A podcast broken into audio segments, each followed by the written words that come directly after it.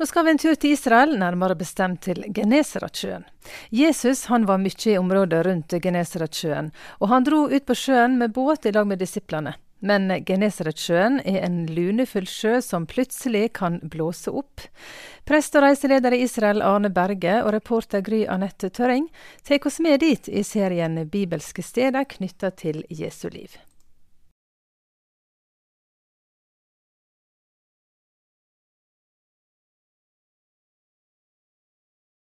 Nå skal vi ut på båttur på Genesaretsjøen.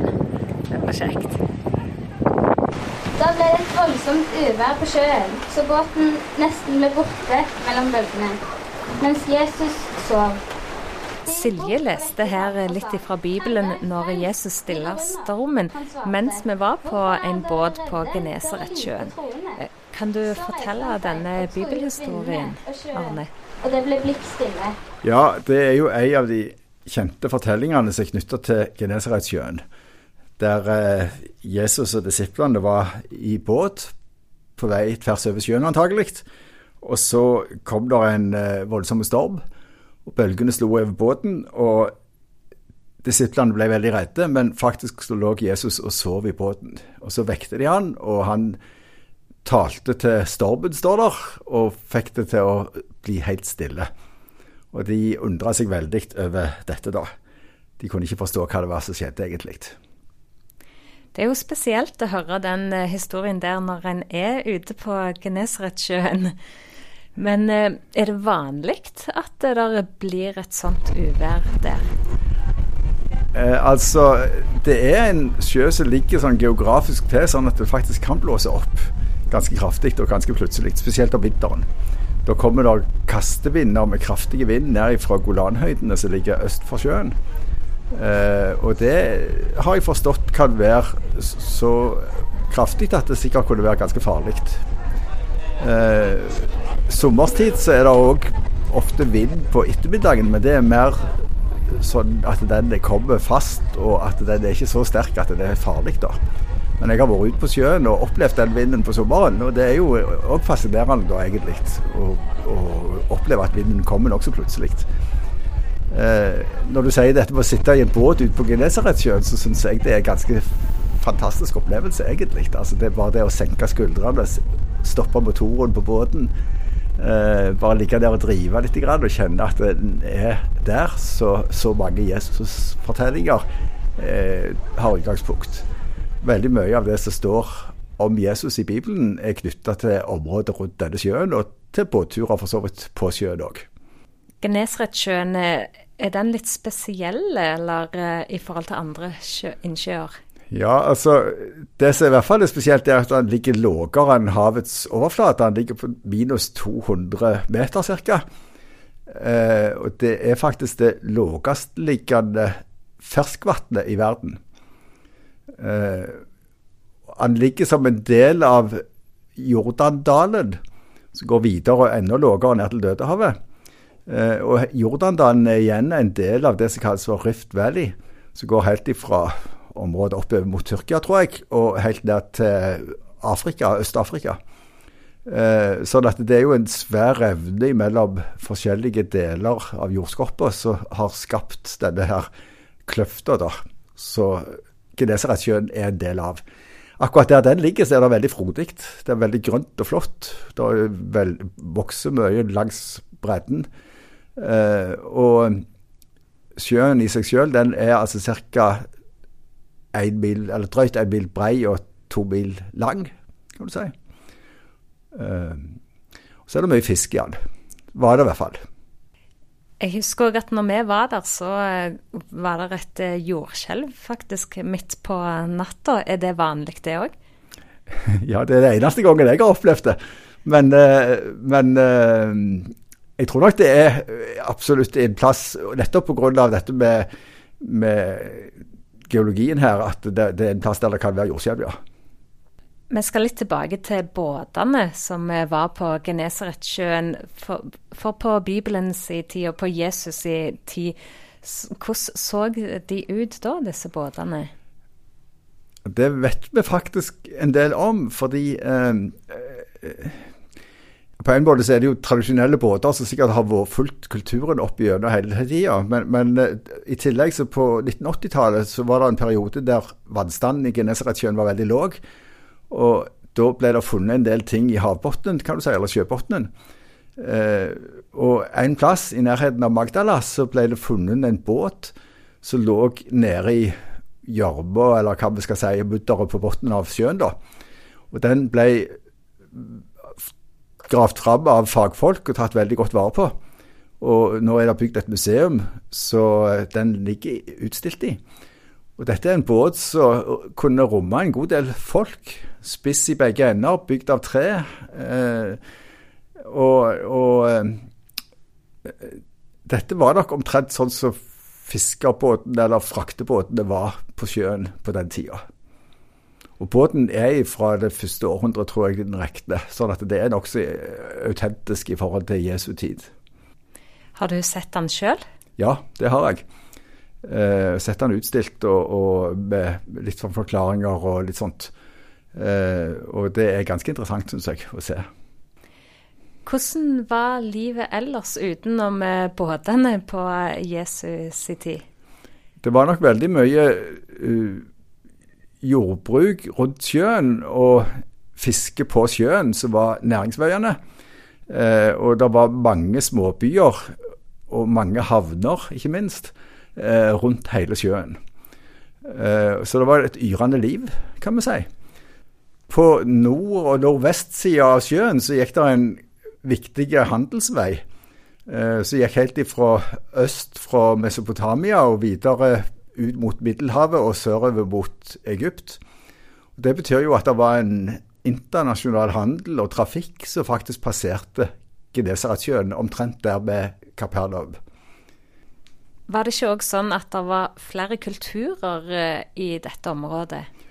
Jo, eh, vi kan si at eh, det var både jødisk og helenistisk kultur, altså gresk-romersk kultur. Eh, og det er òg litt sånn områdebestemt, fordi når Herodes den store døde, så ble riket hans delt. Og området, altså kysten rundt Genesaretsjøen, havna på en måte inn i tre forskjellige politiske enheter ved det skillet. Det ene på vestsida er Galilea, og det var da et jødisk område hovedsakelig. Eh, og så mot nordøst så var det som het Gaulanitis. Så da var en av sønnene til Herodes som var konge. Og det var et område der det var mer blanding mellom helenistisk kultur og jødisk kultur. Uh, og så på sør-østsida så var det det som heter Dekapolis, som var et rent helenistisk område. Altså gresk-romersk område med en del bystater som var sammen i et forbund. Og alle disse områdene eh, hadde byer helt ned mot Genesaretsjøen. sånn at det, området rundt Genesaretsjøen var preget av alle disse tre forskjellige kulturene. Og når Jesus eh, og disiplene var ute i båt, så reiste de faktisk på kryss og tvers imellom disse områdene. Så Jesus var både i Galilea, i Gaulanitis og i Dekapolis. Hvordan er dette her området i dag, rundt Genesaretsjøen?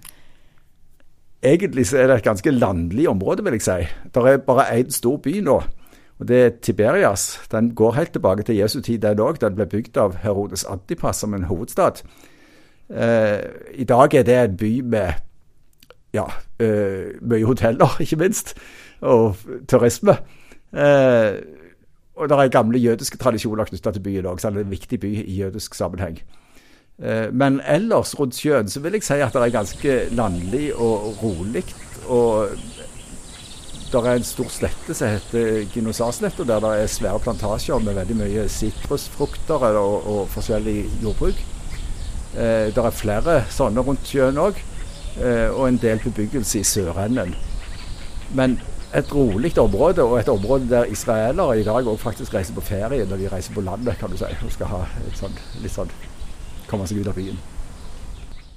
Det sa Arne Berge, prest og reiseleder i Israel. Han ble intervjua av Gry Anette Tørring.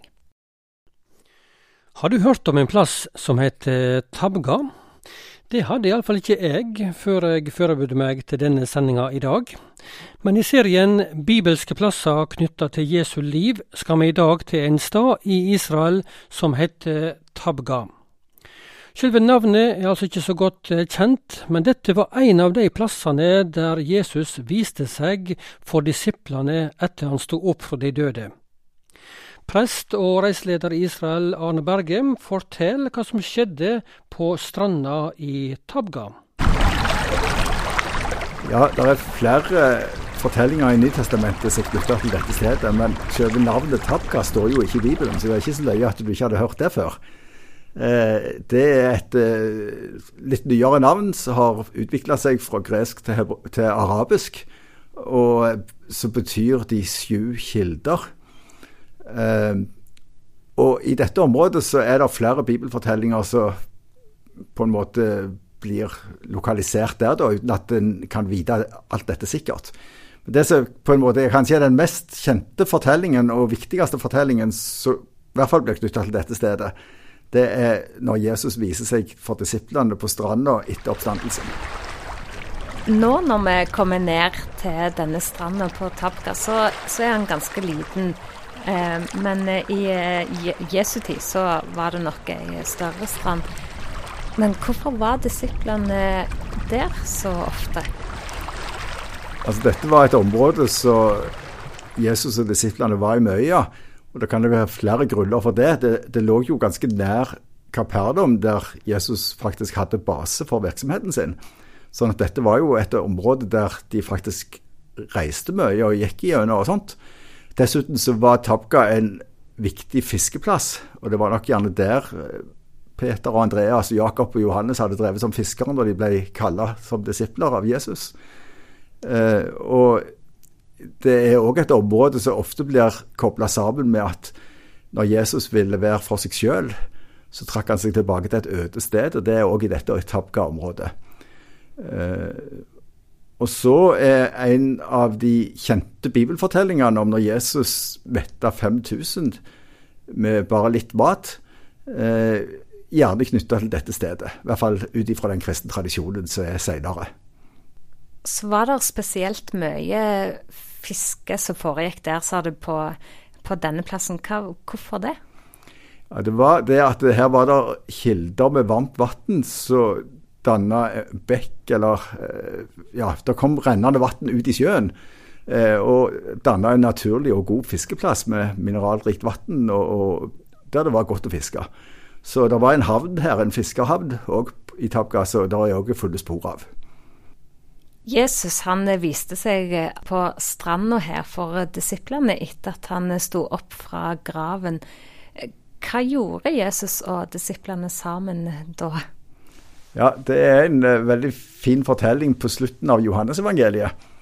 Uh, der det står om at disiplene uh, jeg tror de på en måte kanskje var litt desillusjonerte og usikre på framtida. Og, og, de fant på at de skulle ut og fiske igjen. Det var jo det de kunne. Det var det som hadde vært deres tidligere yrke. og så er de ute og fisker i natt og får ingenting. Og så, når det blir morgen, så står det en person på stranda og spør de om de har fått fisk, og så begynner å gi de råd om at de skal kaste ut gardet på nytt.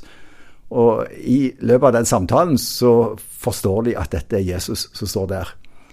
Når de da kommer inn, og de, de får mye fisk når de følger hans råd, og når de da kommer inn til land, så har han stelt i stand et bål med en kullild. Uh, og så er det fisk der og brød, og de spiser sammen.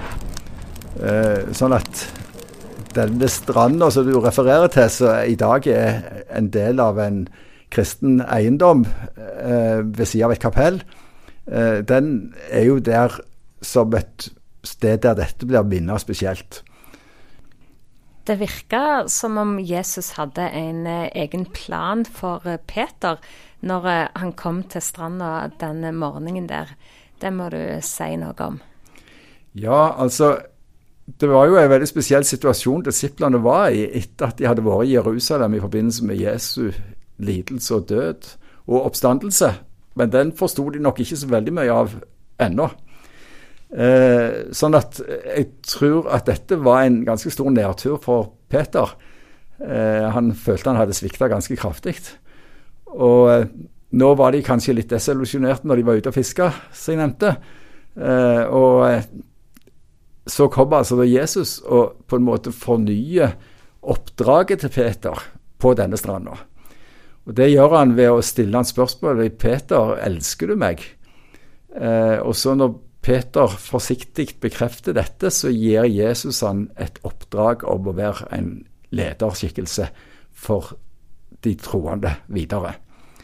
Eh, og Peter hadde svikta Jesus ved å fornekte han tre ganger i øversteprestens hus i Jerusalem. Eh, nå spurte Jesus det samme spørsmålet tre ganger om Peter elska han, og fikk svaret. Og ga han på en måte med litt forskjellige ord det samme oppdraget. Noen har kalt dette for Peters konfirmasjon, altså rett og slett en bekreftelse av at han var regna med videre. At han hadde oppdraget og en, skulle fortsette å følge Jesus og være en leder som hadde et oppdrag. Det er bygd ei lita steinkirke på stranda i Tabka. Eh, kan du fortelle oss litt om den? Ja, det er en eh, mer moderne eh, kirke som ble bygd på 1930-tallet, men ble bygd over ei ruiner av en gammel kirke fra 300-tallet. Eh, og den er knytta til dette måltidet som Jesus hadde med disiplene. Der det var ei kålelv, så Jesus stekte brød og fisk og serverte for disiplene. Eh, og midt inni dette kapellet, eller denne kirka, så er det da en stein som kommer opp av gulvet, og som blir kalt for Jesu bord. Eh, så at dette er ei kirke egentlig der du bare går inn og, og, ser på denne steinen og kan tenne lys og sitte ned i stillhet litt. Eh, men det er ikke en menighetskirke altså der folk samles til gudstjeneste, sånn sett. Uh, utfor så er det flere plasser der det er lagt andaktsteder der enkeltpersoner eller grupper kan sette seg ned og lese Bibelen og tenke gjennom hva dette stedet betyr, og bibelfortellingene knytta til stedet. Når jeg setter meg ned i denne parken som ligger opp forbi stranda der, og leser bibelteksten en gang til, så kan en si at dette stedet, uh, som jo er knytta til avslutningen av Johannesevangeliet, uh, det er et sted som på en måte trekker linja mellom bibelfortellingene om Jesus og disiplene, og vår tid, og kirka som jeg tilhører. Uh, og jeg syns at det er en plass som utfordrer meg òg i forhold til det å følge Jesus og være en som er en etterfølger av han i vår tid. Ja, Det sa Arne Berge. Han er prest og han er reiseleder i Israel. Og intervjuer det var Gry Anette Tørring.